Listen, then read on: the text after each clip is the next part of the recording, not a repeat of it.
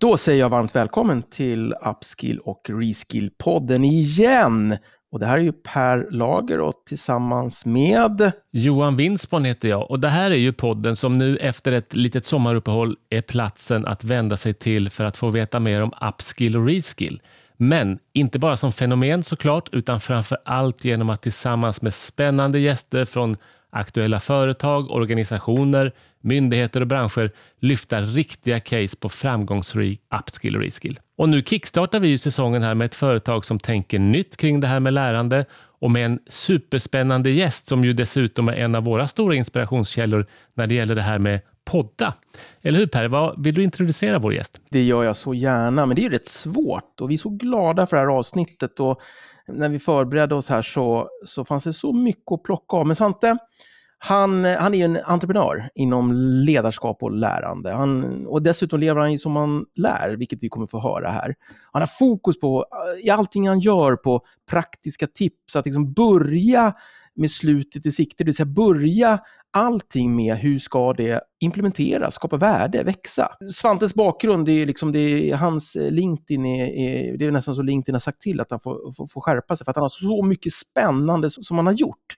Um, men egentligen är det så här att Svante har så spännande tankar kring lärande. Han är jäkligt utmanande. Han är utmanande för oss, Johan, när han kommer med sina erfarenheter, tips och tricks och idéer hur man kan verkligen innovera lärandet i, i alla organisationer för chefer, ledare och medarbetare. Och det är väldigt mycket därför vi har bjudit in Svante. Vi vill bli utmanade eh, och vi vill ha hjälp. Ni ska få hjälp att tänka nytt. Så nu blir det Svante Randlet från Wisery i Upskill och Reskill-podden.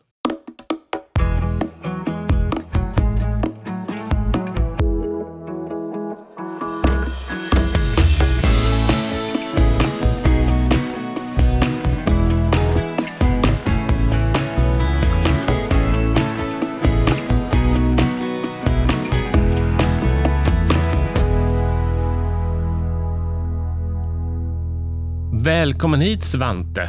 Stort tack! Vilken fantastisk eh, fin introduktion och eh, tillbaka till er. Jag lyssnar på era avsnitt eh, och tycker ni gör ett jättebra jobb eh, killar. Så kul att få vara här. Tack för inbjudan! Jättekul och kul att ha det här såklart. Kan du berätta lite kort mer om Svante Randlet? Hur har du hamnat där du är och Wisery som du kommer ifrån också. vad, vad är det för något? Kärnen då, en, eh, en gotländsk eh, fyrbarnspappa eh, som är en, en nyfiken sork. Killar kallas ju för sork på Gotland. Så att, eh, som eh, har lite som motto då, att försöka vara klarsynt och på ett klarspråkigt sätt eh, hjälpa så många människor som möjligt till ökad prestation.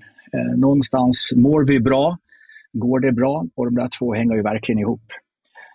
Och min korta resa, lite det som har tagit mig hit idag, för det är väl det som jag tycker är intressant med livets resa.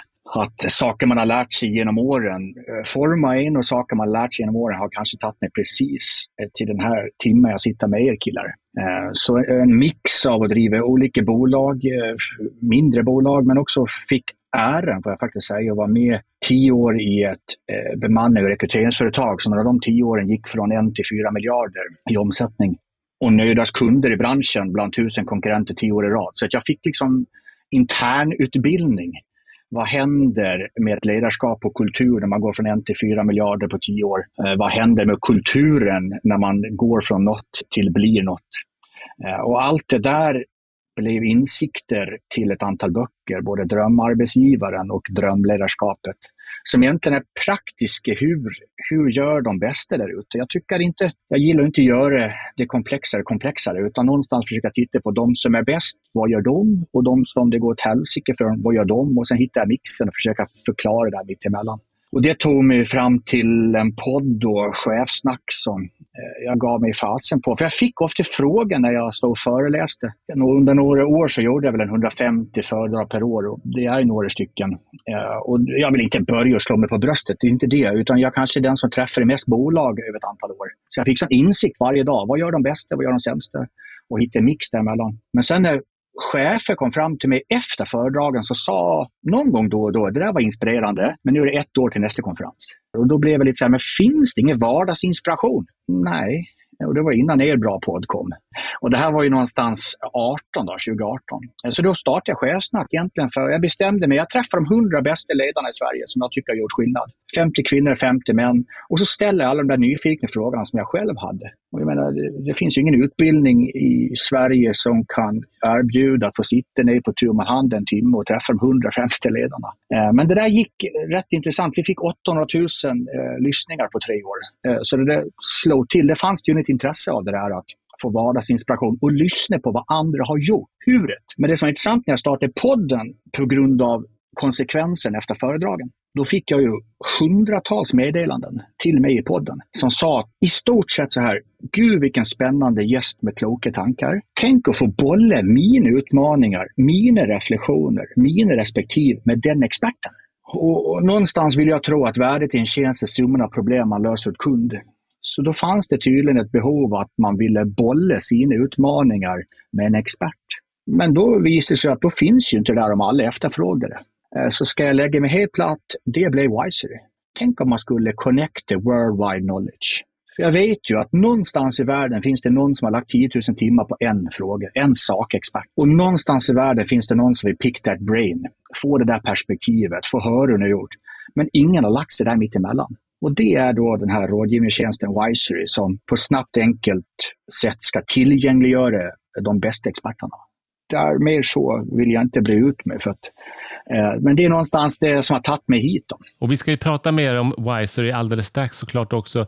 Och du nämner ju din podd där och som jag förstår det så blev Wisery nästan en slags vidareutveckling av podden där jag insåg att här fanns en möjlighet att föra samman lyssnare och expert.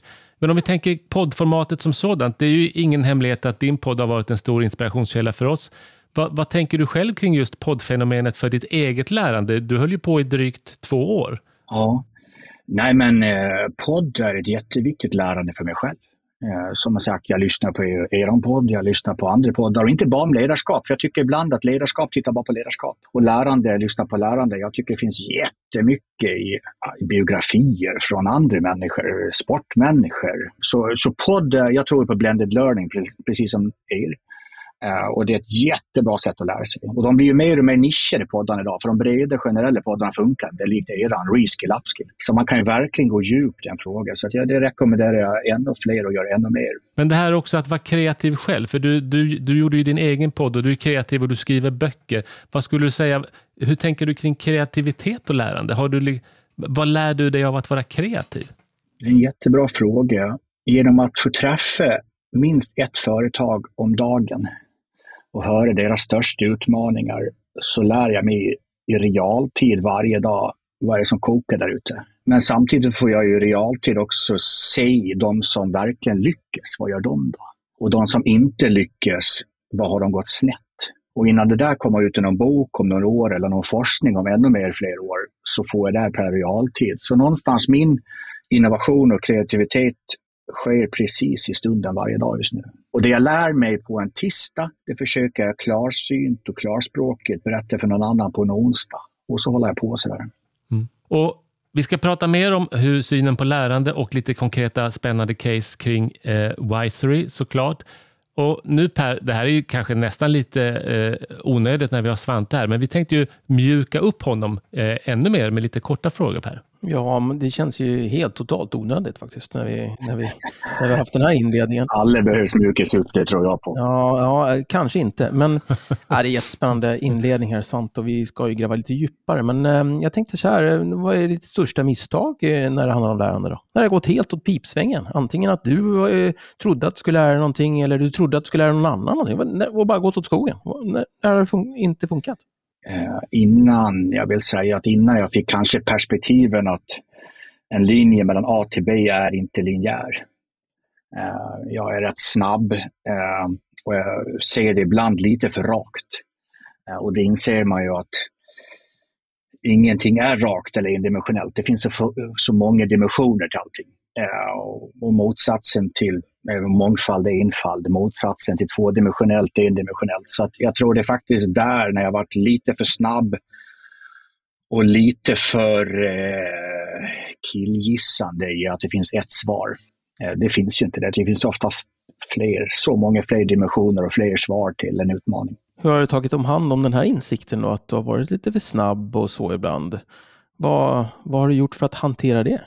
Dels omge mig med ännu fler människor som har ännu fler perspektiv. Eh, det är väl lite, om jag ska vara ärlig, det som har blivit den här Wisery, att så många människor behöver olika perspektiv från olika sätt. Och jag tror ju på det härliga uttrycket each one teach one. Det finns något att lära sig av alla. Och sen säga till sig själv kanske att eh, det behöver inte gå hur snabbt som helst. Det här med att vi ska ta kring beslut. Jag försöker verkligen fundera mycket kring beslutsfattande, för det där brister väldigt mycket organisationer och ledarskap just nu. Och många tror, bara för att jag säger att vi ska ta fler beslut och mycket mindre, så innebär det inte snabba beslut. Eh, så det är väl det där att kanske trycka på paus ibland då, eh, och få lite mer perspektiv och få in de där andra dimensionerna. Så då blir den naturliga följdfrågan här alltså, hur lär du dig då som allra, allra bäst. Du har pratat om att du träffar många, men är det, vilket, vilket forum, vilken metod passar dig allra bäst för att inte bara lära sig utan också få det där lärandet och, och, och, och omsättas i praktisk handling? Där, vilket är det vassaste för Svante Randert? Det som dyker upp eh, killar är två ord jag försöker. Då. Det är spaning och reflektion. Eh, jag vet att du jobbar väldigt mycket med Försvarsmakten Per och jag älskar Micke Budin när han driver på utan spaning, ingen aning. Så jag spanar ju otroligt mycket. Allt ifrån som vi säger saker att eh, få in men också jag spanar varje gång jag träffar ett bolag. Eh, vad gjorde ni där som lyckades? Och sen ställer de där frågorna. För det är väl lite hänga ihop när man är för snabb, som jag var inne på nyss, då, så är det lätt att man letar svaret. Jag tror alltid lärande och alltid ledarskap måste gå åt Jeopardy-hållet. Kommer ni ihåg spelet Jeopardy? Eh, det är ju faktiskt att någon ställer frågorna och de har svaret. Eh, alla som har testat på ChatGPT, allt som händer i LLM, alltså Large Language Models, är ju att vi måste akta oss från att gå runt och tro att vi har svaren. Vi ska bli bäst på att ställa rätt frågor. Så kring det med spaning, som jag fick frågan, det är att ställa ännu fler frågor. Spana, spana, spana. Ta in perspektiven. Men den helt avgörande det är ju reflektionen av spaningarna. För många nog fasen spanar vi, men jag har aldrig sett så många människor som släcker så många bränder och upplever det här med tid som en av de viktigaste faktorerna varför vi inte får till lärande är på grund av att vi inte längre har tid. Tid är det enda som är jämställt i hela världen och tid är egentligen det enda vi fortfarande har lika mycket av. Det är bara frågan vad vi fyller vår tid med. Och jag säger till alla ledare där ute, du har inte tid längre för reflektion för att du inte längre har reflekterat. Så för mig då att lyssna och spana är att ta in, men den viktigaste aspekten är ju reflektion mellan input och output. Input samlar vi på oss just nu och det har aldrig haft så mycket input som det finns nu. Det vet ni om, det har ni pratat med podden också. Men bristen av reflektion mellan input och output gör ju, om vi inte har det, då löser vi faktiskt nya utmaningar med gammalt tänk. En av de största anledningarna jag, eh, sen är det många stora utifrån uppväxt med mina barn och men kanske också, jag ser mig själv lite utifrån det här må bra så går det bra. Lite som den där eh, lampknappen man har när man kommer in i ett rum. Eh, man ska slå på den, men vi stänger inte av längre. Eh, varken kring liksom hur mycket inputs vi tar. Vi vaknar ju till inputs. Vi, vi är så dopaminnarkomaner så vi hinner inte ens få upp ögonen i mörkrummet innan vi slår på en mobiltelefon för att undra vad som har hänt i natt. Och sen somnar vi till samma skärm. Eh, när har vi reflektion av all inputs vi har? Då? Så det konkreta huret är, ja det är bastun. Där är mitt lärandeställe där jag stänger av all inputs. Där sätter jag mig utan att bli störd, utan för nya inputs och reflekterar på alla inputs jag fått. Då. För att faktiskt hamna till output. För output måste ju vara ökad performance. Det kan inte vara någonting annat än förbättrad performance. Så svaret på din fråga då, är spaning och reflektion. Mm. Vi tänker ju mycket på lärande i den här podden, som bekant. Vilken ledare har, har inspirerat dig mest när det handlar om just den personens sätt att jobba med lärande i sin organisation? Eller vem, vilken ledare är det? Ja. ja, men jag kan ta ett exempel. Eh, en person som eh, påverkade mig jättemycket av olika saker som jag lärde mig otroligt mycket på 90 minuter, det var Jan Eliasson. Eh, och, var, och, varför jag vill ta upp just det här fallet på din fråga, det var att jag fick äran att träffa honom på en fredag eftermiddag. Och jag kom hem till honom i hans hus eh, och han var lite sen så jag satt ner och pratade med hans fru innan. Och sen kom han in lite eh, stressad och sa, oh just det, jag var lite sen. Jag var, det är lugnt Jan. Och så frågade jag, vad har du varit nu på förmiddagen? Som gör att du var sen. Han bara, nej, nej, men jag har varit på två olika eh, mellanstadieskolor. Och då tänkte jag, då, apropå man är lite snabb och kanske då tänker man lite fördomsfull, bara, du har föreläst då eller? Nej, nej, nej. Jag har bara varit och träffat barn och hört eh, vad tycker de om nutiden? Vad tänker de på? Jag vill förstå hur de agerar. Ah, och då har ju gubben precis fyllt 80.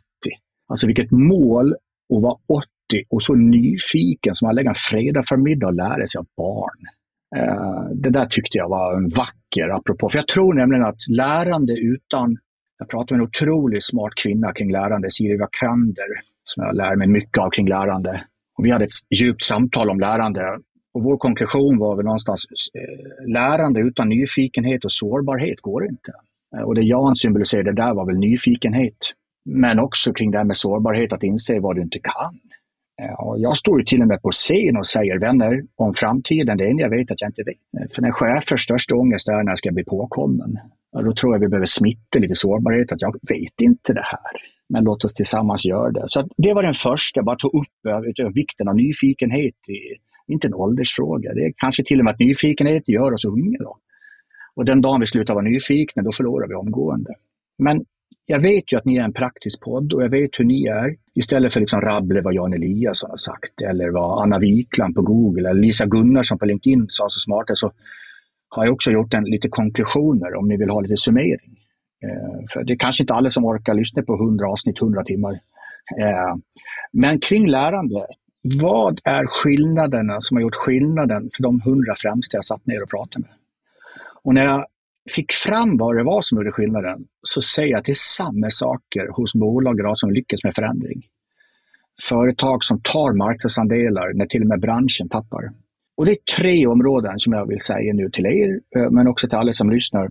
Och innan jag ger de här tre, för jag har lyssnat på er tidigare avsnitt och ni pratar om learnability i varje avsnitt och det är ju, vår, det är ju amen. att det blir ju X-faktorn i det här. Alltså viljan och förmågan att lära och göra nytt och att det är femdimensionellt.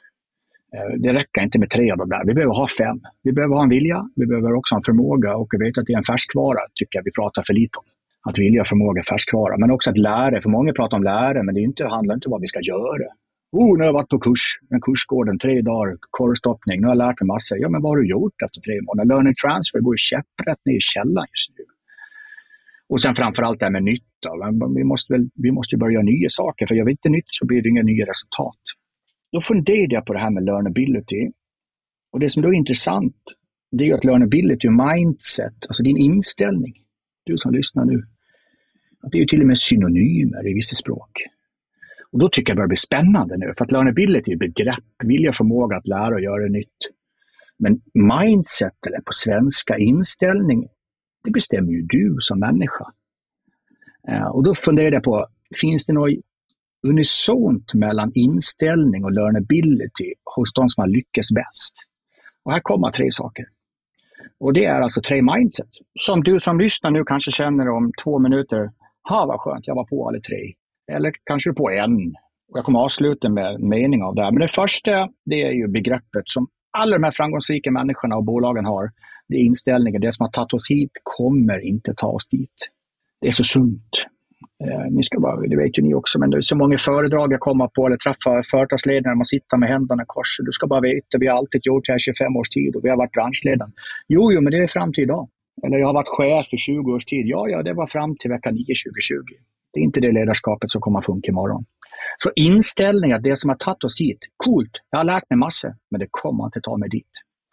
Jag hade ett möte så sent som för två dagar sedan med en chef eh, på ett japanskt bolag som uttryckte sig, de här tre åren covid nu har varit med krigsinvasion och allting som påverkar nu, det har tagit utvecklingen i Japan ungefär 15 år på tre år. Och då måste vi inställa att det kommer inte ta oss dit, allt vi har gjort fram till idag. Det andra, jag ber om ursäkt för en klyscha, men den har aldrig varit viktigare. Annat resultat genom att göra någonting annat. För varenda bolag ska ha change nu. Varenda bolag måste anpassa sig till att omvärlden anpassar sig. Då måste vi också förändra oss.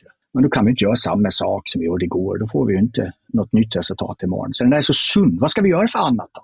Då måste jag ju spana på vad är det som gäller imorgon. Vilka kunskaper behöver jag ha? För om jag har fel kunskap, då betalar någon ju faktiskt lön till någon som kan fel saker och det kunde vi igår. Eller än värre, som jag tycker rent resurs och investeringsidioti, det är att vi betalar kurser till människor i fel saker. Det är det vi började lära oss igår, vi vill utbilda folk i. Och det tredje, det är mitt egna motto som jag tvingar mig själv minst en gång om dagen. Jag, jag säger faktiskt tvinga mig själv. Tänk om du Svante måste tänka om. Då. Och slår man ihop de där tre så blir det ju den totala framgångsfaktorn i mindset och företag. Tänk om ni måste tänka om.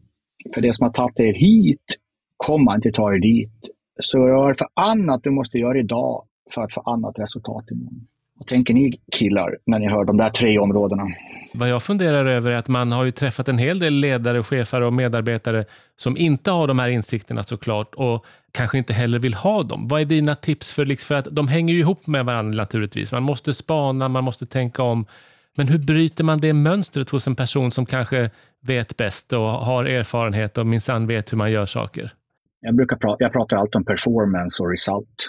Alltså vi måste ju prata affär i det här. Och det som kvarstår, jag säger, om du inte väljer att göra det här, ja men du blir obsolet. Jag tycker det är så mycket media pratar om allt som ska automatiseras och varannan roll i Sverige ska automatiseras. Men det är ingen som pratar om att vi behöver fler människor om sex år. Det är bara att det är nya roller. Vad är den debatten och vilka roller är det då? Och allting styrs ju från affären och kunden. Så mycket förändringsprojekt jag blir inkopplad i och vi glömmer bort att prata om kundbehoven. Hur blir vi kundernas förstahandsval? Alltså kundbesattheten är det som gör framgångsrika bolag framgångsrikare. Och då är det så enkelt, det var en jättebra fråga Johan, att om kundbehoven, kundbeteenden, kundattityd, kundvärderingar förflyttas nu. För det har du gjort nu på tre års tid. Om inte vi anpassar vårt kunderbjudande, ta ner skylten. Om vi säljer X till någon som numera inte vill ha X, den vill ha Y. Ja, men de tar ju konkurrenten. Det är det jag nu säger varför vi har bransch inte ens förskjutningar. Jag säger att det blir bara en stor, att alla branscher, man hittar aktörer som var du den branschen, nu är du den här branschen. Så det blir liksom mycket mer blended av allting just nu. Eh, och då, det som är spännande då blir ju att, för det här är företag på. Förändra kundbehov, gör förändrade kunderbjudanden. Men då måste ju den tredje aspekten vara förändrad kunskap. Och har du då kunskapen X, då kan du inte leverera Y som kunden vill ha. Och då går inte det här. Jäklar Svante, vad bra du är på att fånga saker i en modell, eller i en mening eller ett ord. Eh, och det, jag säger att där har du en, en fantastisk talang, självklart. De här tre sakerna kunde ju inte, I could not agree more, skulle Jan Eliasson sagt. Men du, eh, hur kopplar det här till lärandet? Till huret? Eh, och är lärandet, är det bara kvantitet, att vi måste lära oss ännu mer? Eller gäller det här också lärandet, att på det sättet vi har jobbat med lärande hit kommer inte lära oss mer dit. Hur ser du på lärande? Jag vet ju att ni har pratat om i, i podden här eh, att learning transfer är på 25 procent. Att vi investerar mer pengar än någonsin för lärande men vi transformerar mindre och mindre nya beteenden och attityder. Det är ju bara alarmerande. Så, och, och säger, om vi då säger att learning transfer enligt McKinsey är på 25 procent, ja, men lägger 10 miljoner på att utveckla personal, 7,5 miljoner kan du bränna ju. Men det jag tycker är intressant är ju när CEB säger att 70 procent av de som går olika ledarskapskurser idag tycker ett, innehållet inte tillräckligt uppdaterat eller två, lärmetoderna inte tillräckligt uppdaterade. Så problemet är ju att vi har människor som blir skickade på kurser men ett är för generella saker vi lär oss. Det är inte specifika längre. Och två, vi lär oss alltid nästan mer. Det är ju så lärometoder är för företag, att in med så många människor som möjligt i ett rum, för det är så vi får skalbarhet i vår affär i lärande. Men learning transfer går ju ner ju. Och vi tycker fler och fler att det jag lär mig, det rör ju inte mig. Det här rör ju någon annan. Så där måste vi ju helt enkelt tänka om. Och det som jag gör, då sitter jag och funderar. Och så sitter jag och läser och så sitter jag och lyssnar och sen framförallt frågar jag. Och då, det, då har jag hittat ett intressant samband.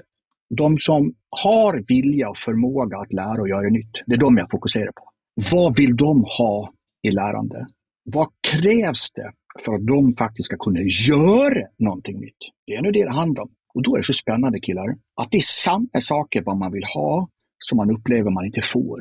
Och det är kopplat till tre områden som jag gärna vill ha ett samtal med er kring, vad ni tänker kring, som är experter.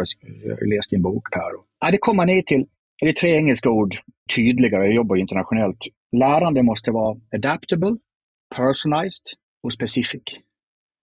Adaptable, personalized och specific. Och vad säger de här människorna? Jo, vad får jag idag? Jag får generella utbildningar. Kommunikation, det är för brett. Jag ska specifika behoven på det här.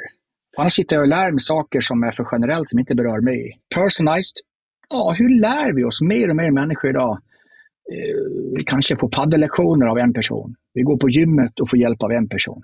Jag tar franska lektioner av en person. Men det mesta kring ledarskap är in med 30-40 pers, 50 pers i ett rum. Det är ju som svenskt skolsystem. Säg samma sak till alla människor.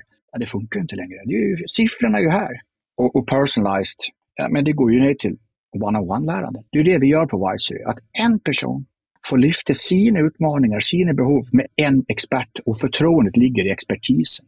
Och du vet, sånt som de berättar, det säger de inte till sina kollegor. De säger, åh gud vad skönt att få prata med den här frågan, för jag tror att alla kollegor vet att jag ska tro det här, eller veta det här.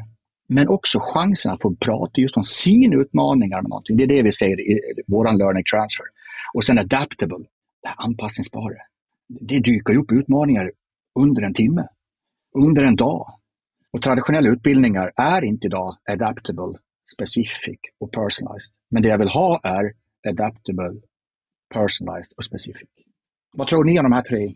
Du är ju på väldigt mycket av de frågorna som faktiskt många av våra gäster har lyft i den här podden. Inte sant Johan? Och, men, ja, men jag släpper in Johan här, alltså, för nu bränner det ju till. Det är många som har ont i magen nu. Eh, men varför har det blivit så här? Nej, men jag tänker det som slår mig lite grann är också att de här tre begreppen, de är ju oerhört svåra att kombinera, även om man är en rutinerad utbildningsanordnare, tänker jag.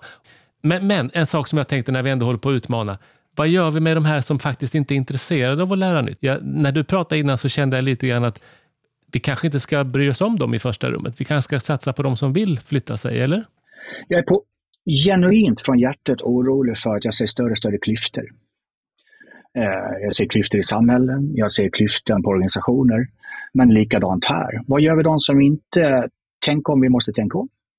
Vad gör vi med de som säger, men jag har ju pluggat fyra år och jobbat 25 år med det här. Kom inte med nytt. Jag har investerat 25 år av mitt arbetsliv i det här. Ja, till slut blir det att det du kan kommer ingen vill betala lön för. Tyvärr, vänner. Och det vi måste lysa på, det blir utanförskap det här. Och jag tror vi måste eh, gå djupare än att bara släcka massa bränder. För det mesta vi gör, det är som att vi tar en Alvedon och ska vi lösa alla problem. Det är en bra fråga Johan, men om jag får gör ett försök att bara få lite spontana tankar. Det som hände vecka 9 2020 var att på en natt gick vi från att människor gjorde vad vi ville till vad vi måste göra. Det var det reglerna och kontrollen blev. att eh, Då bodde jag i Stockholm, jag kunde inte åka till mina föräldrar på Gotland till exempel. Så, så det intressanta var att vill blev måste. Va? Och det jag säger nu är så mycket att måste är ju nu vill igen. Så då har jag igen reflekterat, frågat, läst. Och det jag fann i det här att vill bli måste, måste bli vill, kommer alltid tillbaka till syfte och mening. Så, så, istället för att säga att du vill inte lära dig något nytt, äh, jag tror vi måste borra lite syfte och mening med det här. Jag tror vi måste hjälpa människor, jag kallar det för rumpnisse gånger två, att hitta den riktiga drivkraften. För drivkraft är ju framfart. Vi måste röra oss framåt. Vi kan inte stå still. Det går inte längre. Liksom. Och det som jag, jag nyss så hjälpte en säljorganisation och det var ganska tydligt. vi ska tjäna pengar i säljorganisationen. Ja, det är en drivkraft, inget fel på det. Men då frågade jag ett varför. Varför då? Och så var det en som sa att jag köpa en bil och en annan som sa köpa hus. Och till båda ställde jag, varför då? Rumpnissen. Det blev tyst ju. Så vi har inte det här riktiga syftet och meningen. För jag tror att det är andra varför vi hittar riktningen, viljan, passionen. Eh, inom utbildning pratar ju de lärde om grit. Ja, det är jävla anammat, om man får säga på ren gotländska. Eh, symboliskt, tänk dig som den där, eh, det där ljuset i en ljusstake som står och brinner så fint. Och sen gör man bara och där försvann lågen. Tänk om lågen är viljan i lärande då? Så för mig handlar det om hur vi kan hjälpa människor att tända lågan. Eh, och det här är en affärsfråga. affärsfråga. Men du, på frågan, det här är en av de största frågorna nu. Hur hjälper vi fler människor att bli bättre idag än igår åt rätt håll? Ehm, en sak jag lärde mig från insidan i det här bolaget eh, när vi gick från en till fyra miljarder och jag fick lära mig per dagsnivå vad gör skillnad som gör skillnad. Ja, det var så enkelt egentligen att begreppet om jobbade utifrån var beat yesterday att hur slår jag gårdagen? För tänk om det inte är fler utbildningar vi behöver. Jag jobbar en hel del med elitidrott. Det är så enkelt i elitidrott, man säger vi blir bra på det vi tränar. Tänk om vi inte behöver fler utbildningar, vi behöver träna rätt saker. Och sen, det är så fint när man träffar förbundskaptenen och säger att det är jätteenkelt. Ett lag kan aldrig bli bättre om inte spelarna blir bättre. Så tänk om vi måste sudda ut. Det är därför jag går från utbildningsfokuserat till träningsfokuserat. För jag ser hur axlarna går ner på människor. Ja, men, om alla nu lägger så mycket tid för att vi inte har tid, för att vi är otydliga, för att vi är dåliga på kommunikation, borde vi inte träna på kommunikation då? Vi släcker för mycket bränder. Hörni, eh, vilket samtal.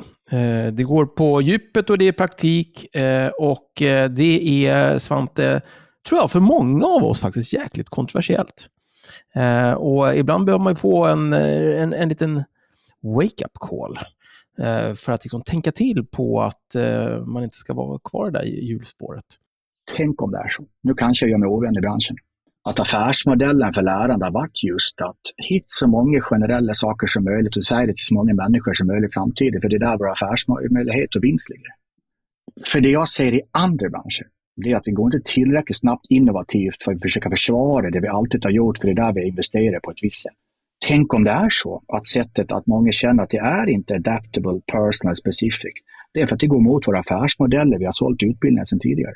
Kan det vara till och med så att det är till och med de som har hand om utbildningar i organisationer som, som också på ett sätt tjänar på att det är så? För det är lite lättare för dem.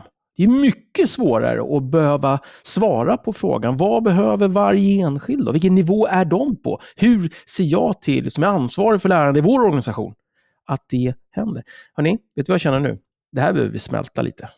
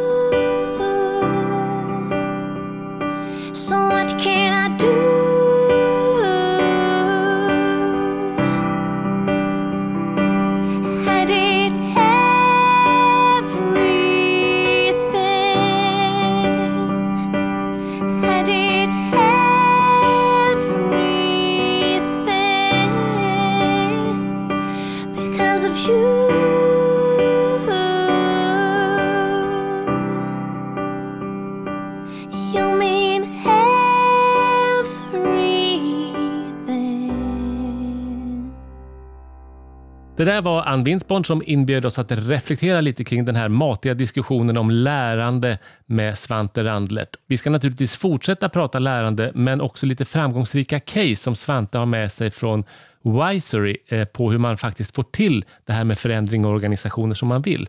Vi är lite nyfikna på också att höra, kan du berätta, sätta Wisery i ett perspektiv innan du kommer in på, på, på, på caset? Vad är egentligen Wisery nu? För ni startade bara 2021 va? Ja, eh, vi fyllde nyss två år.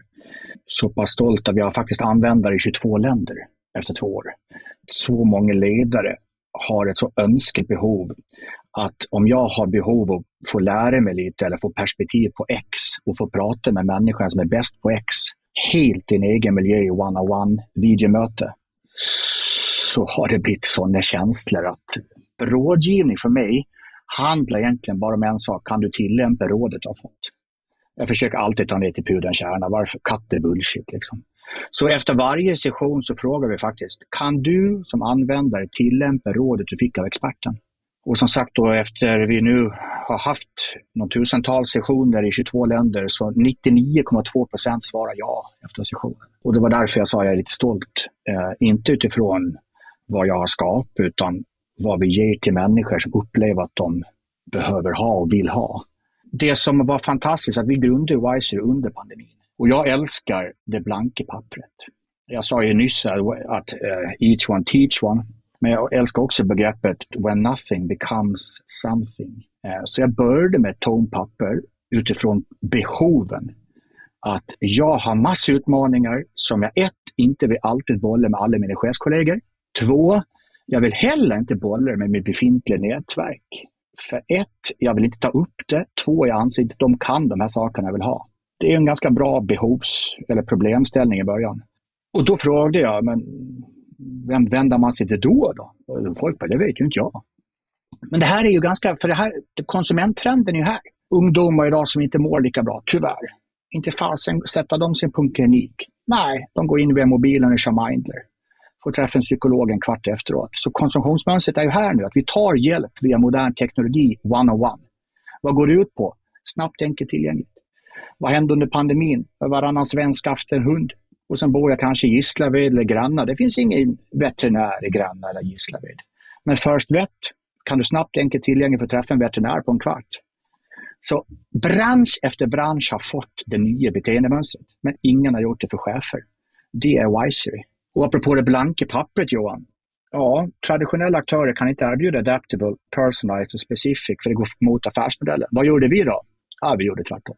Så vi satte ner, vad är specific, personalized, adaptable? Jo, specific. Prata inte om generella saker. Du får själv bestämma vilket specifikt behov du vill prata om. Gör inte allting i grupp, för jag vill inte lära mig allting i grupp. Ibland är det bra, men inte alltid när jag ska prata om de riktigt svåra sakerna som jag känner jag har. Ja, men det är personalized, one-on-one. On one. Och tre, adaptable. Till och med traditionella utbildningar. Det här är en kommunikationskurs, den ska gå i 12 veckor, så här ser den ut. Det här är en timme videomöte mellan en expert och någon som vill träffa en expert. Och den timmen är så, det är som en dans. Adaptable. Och det är kanske det som har gjort att 99,2 procent känner att jag kan ju tillämpa rådet. Ja, eh, superspännande måste jag säga. Och det ställer ju lite gamla konventioner och arbetssätt och sätt att köpa en, en tjänst på också, alltså, eller, utbildning, lärande på. Vilket är jäkligt inspirerande. Men Svante, kan du berätta hur, hur använder kunderna det här? Och kan du ge något exempel på hur kan det, hur kan det se ut?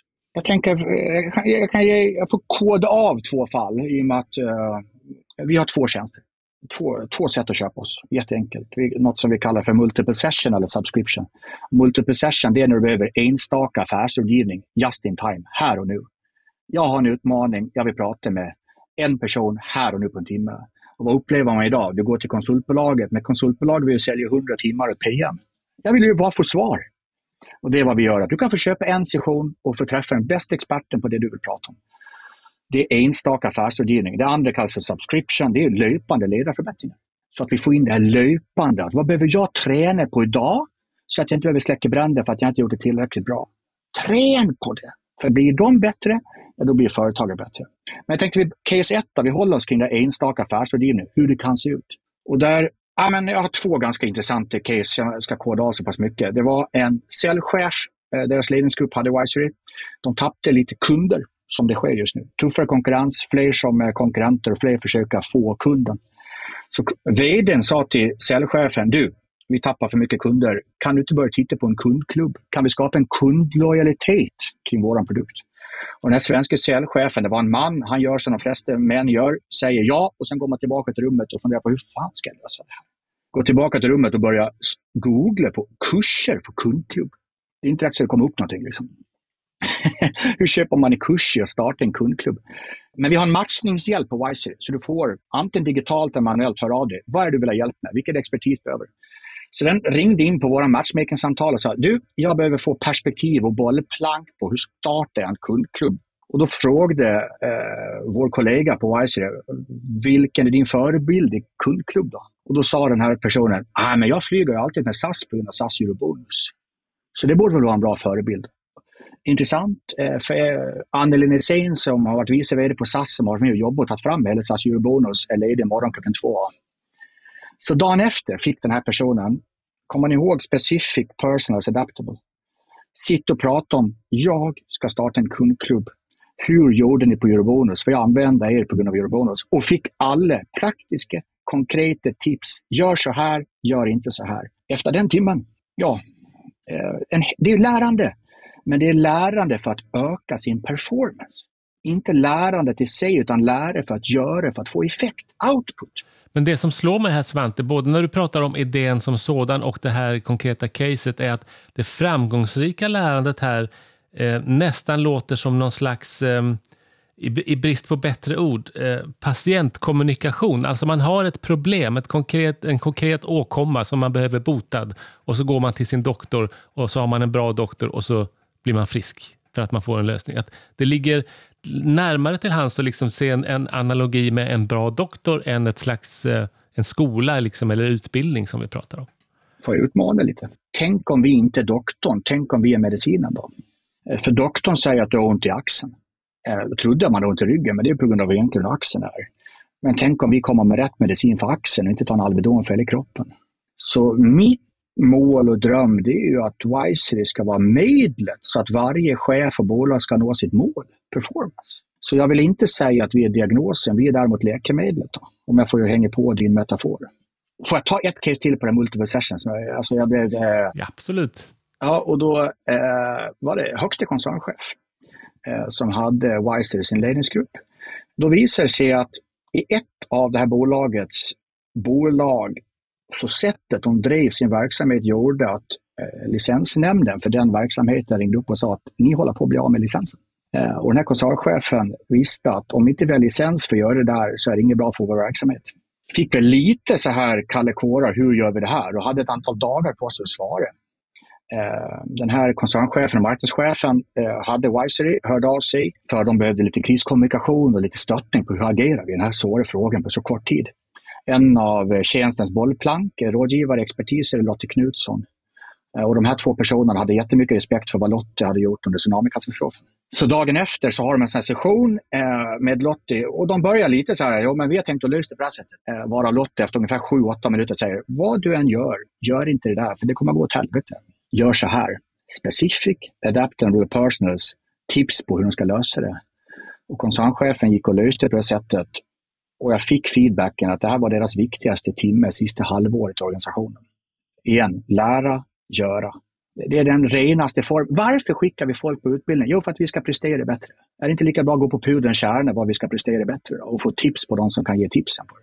Jag tänkte på, eh, ja, det är ju superinspirerande och utmanande på, på samma gång. Men du, är det här mest likt management consulting eller är det mest likt utbildning?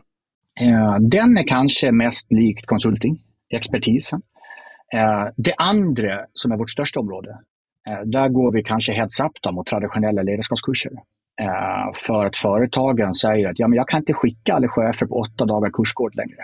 Och dessutom det här med att alla människor ska lära sig samma sak på samma sätt. Det funkar varken för barn eller för vuxna. Så vi har en subscription-lösning som rullar på 12 månader där vi gör blended learning. Där vår grund är just att man får de här expertissessionerna. Men i precis ämnet det jag behöver träna. Och många företag knyter till och med sin ledarskapsundersökning från medarbetarundersökningen. För här har vi lite Johan, kanske den här diagnosen du var inne på läkaren. För om du säger till Lisa eller Stefan att du är svag på trust respektive clarity, Ja, men om inte du får verktyg och medel för att bli bättre på Trust och Clarity, hur ska du bli bättre då? Och då får de här cheferna ett års journey på Clarity eller Trust. Fullt specifikt vad den chefen, och så får du träffa den bästa experten över ett år på Clarity eller Trust. Eller vad det nu än är. Och sen har vi adderat, för jag tror på blended learning, att sessionerna är faktiskt bara en del i den här lösningen. Så det är lika mycket att vi har byggt en egen LMS-plattform som heter Wiser Learnings där vi faktiskt har byggt in 40 stycken eh, kortare två minuters videos. Tänk dig lite, det här är alltså träningsprogram för ledare. Och går du till träning och kanske till någon gymkedja så finns det PTs. Och vad har de? De har videos hur man gör övningar. De har texter hur man ska göra den. Men de har också lite, eh, ibland kanske poddar och reflektionsövningar. Vi har gjort samma sak. Så de som är med på vårt program över ett års tid i ledarskapsträning, de får videos uppdelade en gång i månaden. Vi kör stycka elefanten här, i olika teman. Så en månad kör vi kommunikation, månad två kör vi engagemang, månad tre kultur. Och varje månad så får du videos, du får artiklar, du får podcasts och du får reflektionsövningar. Och mixen av det där är ett träningsprogram med träningsövningar, träningstillfällen som skapar effekt. Vi har lyckats få väldigt många stora bolag som antingen kompletterar sitt ledarskapsprogram för det kan ju också vara att du har ditt program över ett år, men det är träffarna där borta. Men däremellan då? Kanske man behöver ha de här injektionerna på det vi har som tema. Eller en hel del nu som faktiskt slänger bort sin traditionella ledarskapskurs och tycker det här är både tidseffektivare och investeringseffektivare på output. En kontorschef på en bank som kör vårt träningsprogram som till och med sagt det här är därför det är så roligt att gå till jobbet igen. Eh, det är väl det finaste man kan få. Så det här är ju spännande. Vi vill gärna höra lite mer om det här. Du får ge ett exempel på hur det kan funka i praktiken kanske med en organisation. Men du, jag tänker på, ja, du har ju föreläst mycket. Och det, jag och Johan har ju också kört någon föreläsning genom åren. Ibland är det så att man gör en föreläsning om något ämne. Kanske till och med känner man att eh, publiken tyckte det där var rätt intressant och spännande och, och bra. Men så är det de som kommer fram efteråt. Och så säger man så här, du Per, du pratade om, eh, om lärande där och hur spännande det här och hit och dit och hur företag gjort det och forskning säger så här. Men, men du, jag, jag har en liten utmaning eh, som jag kom att tänka på när du föreläste. Jag har det här. Vad säger du om det? Det är de de tillfällen jag har känt att det verkligen har lyft. När man har haft den här generella biten, hjälpt en person till reflektion och sen hjälpt personen till att formulera någonting som är viktigt för just den personen. Och så har den personen moden och jag har haft tiden att mötas efteråt. Och där föddes det ju jättevärde. Håller du med? Kanske det finaste man kan få efter föredrag, att någon faktiskt kommer fram och berättar sin reflektion. Inom lärande kallas det väl för nudging. Alltså att man har lyckats eh, skapa en riktning åt rätt håll och att någon som är nyfiken pratar med er. Ska jag vara ärlig Per, så har vi ett antal föreläsare som använder Wiser-plattformen till just det. Att eh, när man har stått och föreläst och sen kommer någon fram, då säger man, men jag har inte så mycket tid alltid, men jag har mina lediga timmar på Wiser. Så vem som helst kan ju faktiskt gå in och boka dem på ett session eller ett helt löpande program. Så tänk att sitta i publiken och se fantastiska eh, Frida Boysen eller Stefan Hyttfors. Eh, du kan alltså få dem som bollplank över ett års tid via Wisery. Men rådgivaren är ju rätt glad för jag säljer faktiskt deras lediga tid i kalendern. Eh, så det är till och med att rådgivaren får det bra och användaren får det bra. Och det är väl det vi ska fokusera på. Men du, har du ett exempel på hur en organisation har använt det här lite, kanske som att eller hur Johan? Vi är lite nyfikna på, är det någon som har slängt ut sitt jäkla ledarskapsprogram, eh, traditionella, och ersatt det med det här? Är det någon som har gått så långt? Ja. Så sent case faktiskt som förra veckan, ett av Sveriges största fastighetsbolag eh, som jämförde, de, jag frågade vad de hade. Ja, de samlar just åtta dagar per år på olika kursgårdar. Och så frågade jag vad kostar det och fick fram ett visst belopp. Och frågade, tycker ni det är bra då? Får ni någon output och allting? Nej, det var inte man inte så säker på. Och de slänger faktiskt ut det där och kör ett år till att börja med, med oss. Sänka sin kostnad och få större output utifrån att varje ledare får specifikt träna på vad varje ledare behöver träna på. Och när medarbetaren, chefen blir bättre, ja, då blir faktiskt bolaget bättre. Håller du med Johan? Det utmanar ju sättet man har, har gjort tidigare och visar ju också på vikten av att tänka adaptable, personalized, specific, att faktiskt hur får man till det för varje enskild medarbetare? Och Det tycker jag är så, det är oerhört spännande att tänka kring. De bitarna jag försöker styra vår skuta mot. Jag, jag gillar ibland när man spelar upp traditional way kontra the new way. Och lite fräckt så kanske jag kallar det new way för wiser way. Då. Eh, får jag nog passa på när man driver det bolaget. Men de bitarna vi försöker lämna och gå till, ja, men det traditionella det är ju rätt sällan och mycket per gång. Man ses för sällan och då blir det korvstoppning för att man ska ut så mycket. Liksom. Och jag tror mer och mer på ofta och lite per gång. Så där har du kontrasterna. Jag tror på generellt måste bli individanpassat. Måste. Eh, det som är generellt bitar inte föreslägga, utan det måste bli individanpassat. Jag tror också på övergripande behov, måste bli specifika behov. Det vi pratar om. Men de sista grejerna är att jag tror på att vi ska gå från utbildningsfokuserat till träningsfokuserat. Eh, vi blir bra på det vi tränar.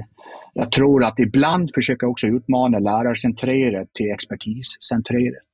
För det kan vara några kunder som till och säger att jo, men kanske den läraren i frågan har kanske inte haft fingrarna i syltburken i den frågan på tio år i näringslivet. Här får du träffa den experten som sitter just idag och jobbar med AI eller stressforskning eller vad det är. Så att vi tror på det expertiscentrerat. Och sen klassrumslärande all ära, men jag tror på one-on-one-lärande ger stor effekt. Så det är lite det traditionella Johan och vad vi försöker göra tvärtom då. Men eh, Svante, eh, jag har ju läst ett par böcker av dig de är ju generella, eh, inte personaliserade. Och ryktet säger, Svante, att du håller på och skriver på en tredje bok. Hur går det här ihop då? Ja, men det är blended learning. Vi behöver lära oss olika saker på olika sätt. Det kanske är att vi både behöver se den där två minuters videon. Det kanske att jag behöver fördjupa mig i den där boken eller artikeln. Eller det som visar sig i våra träningsprogram, att det är till och med vissa människor som inte alls läser, men som lyssnar på podden. Och det finns andra ledare som inte alls lyssnar på podden, men älskar att läsa. Så jag tror väl mixen av det där gör skillnad. Nu är vi nyfikna. Vad kommer den här tredje boken handla om? För den första handlar ju om drömarbetsgivaren. Eh, och den andra handlar om drömledarskapet. Och vad blir den här nummer tre i den här triologin? Ja, jag kan säga så pass mycket. Det är det största projektet jag har gjort i bokform.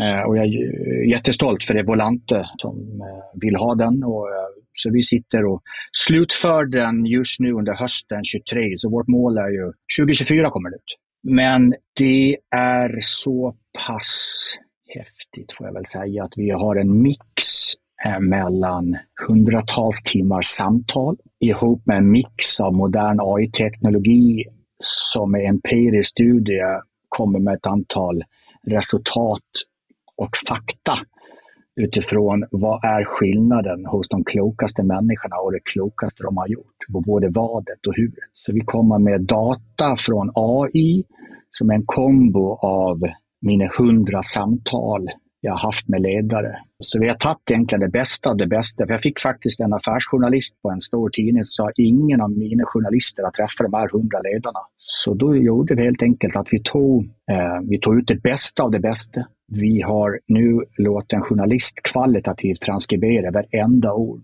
Så liksom verkligen gått i djupet på det bästa av det bästa. Och sen har vi lagt in det här en global AI-robot som nu spottar ut exakt vad är skillnaden som har gjort skillnad hos de klokaste människorna. Eh, och sen adderar vi massa hur av det här också, så det blir både vad och hur. Men den där, eh, den eh, blir spännande och se vad ni tycker om. Det låter jättespännande Svante, men vi kanske inte ska pressa dig mer kring just den, så du sitter och försäger det här.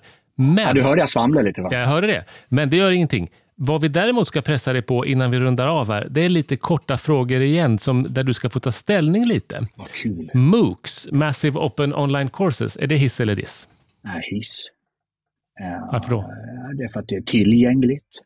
Det är inte push utan det är pull. Man själv väljer vad jag faktiskt är intresserad av.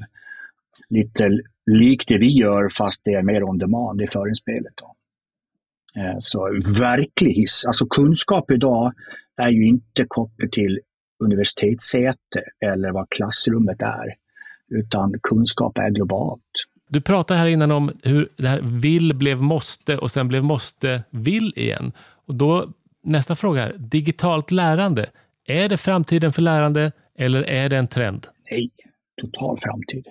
Men igen, jag använder ordet blended. Vi, vi, vi springer för snabbt på trender och det bara är ytterligheten av repet. Vi går från analogt till dialogt. Vi går från ja, men, mötesrum, ett konferensrum till bara ses digitalt. Jag tror att sanningen i allt det här ligger precis mitt emellan. Eh, jag tror en sak jag driver i, i insikt kring lärande Får jag ha utläggningar på korta frågor, Johan? Förresten? Absolut. Eh, jag tror att lärande handlar om att vi måste ta tillbaka gråskalorna.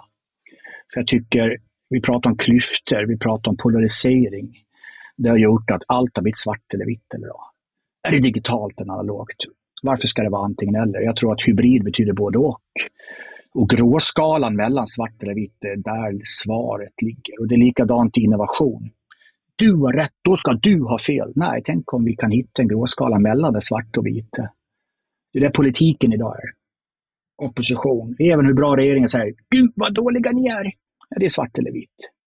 Tänk om gråskalan är svaret. Så svar på din fråga, absolut framtid. Här för stanna. Tack allt som har hänt under tre års tid för att vi har äntligen tagit det språnget. Kanske ska ta tio år utan det som hänt på tre år. Men det är inte det ena eller andra, det är gråskalan vi måste ha. En sista fråga här som jag också tycker är väldigt spännande. Vi har ju pratat en del om AI och lärande i vår podd och du nämner AI själv här. Och under sommaren när vi hade sommaruppehåll så blev det också en stor debatt om inte bara AI och lärande utan om, om hotet mot mänskligheten med AI när utvecklingen går så snabbt. Så min sista fråga till dig, AI, hot eller möjlighet? En möjlighet, men med lärande. Eh, för det börjar man redan inse att om vi inte börjar ha koll på det här lite vart vi är på väg så har vi nog öppnat Pandoras ask. Så att vi behöver nog fundera på i viss eh, sammanhang, kanske, jag gillar ju inte riktigt sätta gränser, men det, vi behöver nog sätta lite gränser i allt gränslöst tror jag. Men jag är för möjligheter. Jag har hört när internet kom hur många människor som bara, nej, hur kan vi inte göra som det var innan internet? Kan vi inte gå tillbaka? Men de människorna och företagen blev ju obsoleta. Så de som sa så här, shit vad coolt med ettor och nollor, då kan vi ju skapa bolaget XYZ. Jag tror det, vi står i exakt samma paradigmskifte som när internet kom. Och de som tänkte, kan vi gå tillbaka till det förra normala eller det nya normala? Där står vi i det här. Däremot, desto mer high-tech vi pratar om, artificiell intelligens, eh, large language model, chat, GPT, desto mer high touch behöver vi. Så igen, vi behöver båda. Inte antingen eller. Svante, eh, det här har varit ett helt eh, fantastiskt samtal. Jag tror att eh, vi är många som har reflekterat riktigt mycket, skrivit ner lite frågor, tankar, idéer som vi ska testa och kanske gräva lite djupare i. Kanske kommer några av svaren finnas i din bok som kommer. Vem vet? Eh, så det ska bli jättekul att följa dig, följa Vicery, följa boken som kommer. Och vem vet, det kanske blir någon ny poddserie eller någonting annat också. Blir det sånt där? Tänk om det är dags att tänka om, för det som har tagit oss hit kommer inte ta oss dit, eller hur? Man ska ju, jag ska akta mig för vad man inte ska göra, men jag tänkte kan jag få ge någonting så här avslutningsvis då? Så det blir ännu mer givande. Och det, du som lyssnar nu då, om du inte kör bil, ta fram din telefon eller skriv någonting. Eh, jag har nämligen tagit fram en white paper om lärande. Eh, som är en kontenta av mina tankar, insikter och Wiserys eh, spaningar kring just lärande. Eh, så jag tänkte om jag ger den då, så alla som lyssnar får den helt kostnadsfritt. Det ena du behöver göra om du vill ha den här whitepapern, det är att du tar upp din telefon, och så skriver du ett sms till numret 71120 och sen går du ner i texten och skriver Wisery med W-I-S-O-R-Y. Eh, skriver du Wisery till 71120 så får du ett sms där du kan ladda ner whitepapern. Gör vad fasen du vill med den. Läs den, släng den, skick den vidare. Där har ni lite kontenta av det här med lärande vi har pratat om. För kunskap är ju bara makt, eh, Svante, om man delar den, eller hur? Vi tycker att det är underbart att höra hur du eh, hur du berättar om det företaget som du tror så mycket på. Eh, och vi behöver ju ännu fler idéer eh, hur vi ska kunna lära oss ännu mer saker. Och jag tror att du har kommit med en viktig pusselbit. Jag tror också, eller jag vet att du också gett en liten push med din energi. För det behövs ju om man ska göra nya saker och möta den här fantastiska framtiden som finns där runt hörnet, som kommer vara utmanande, men den kommer banne med vara både roligare och mer ut, mindre utmanande om vi blir ännu bättre på att lära oss. Så jag säger så här, från, från eh, Upskill och Reskill-podden, ett jättestort tack för att du tog den här tiden. Och Johan, det här kommer bli ett dubbelavsnitt, eller hur? Ja, det blir ett långt, matigt och bra säsongsstartavsnitt. Stort tack Svante för att du var med oss. Det är bara jag som tackar att jag fick komma. Tack jättemycket killar.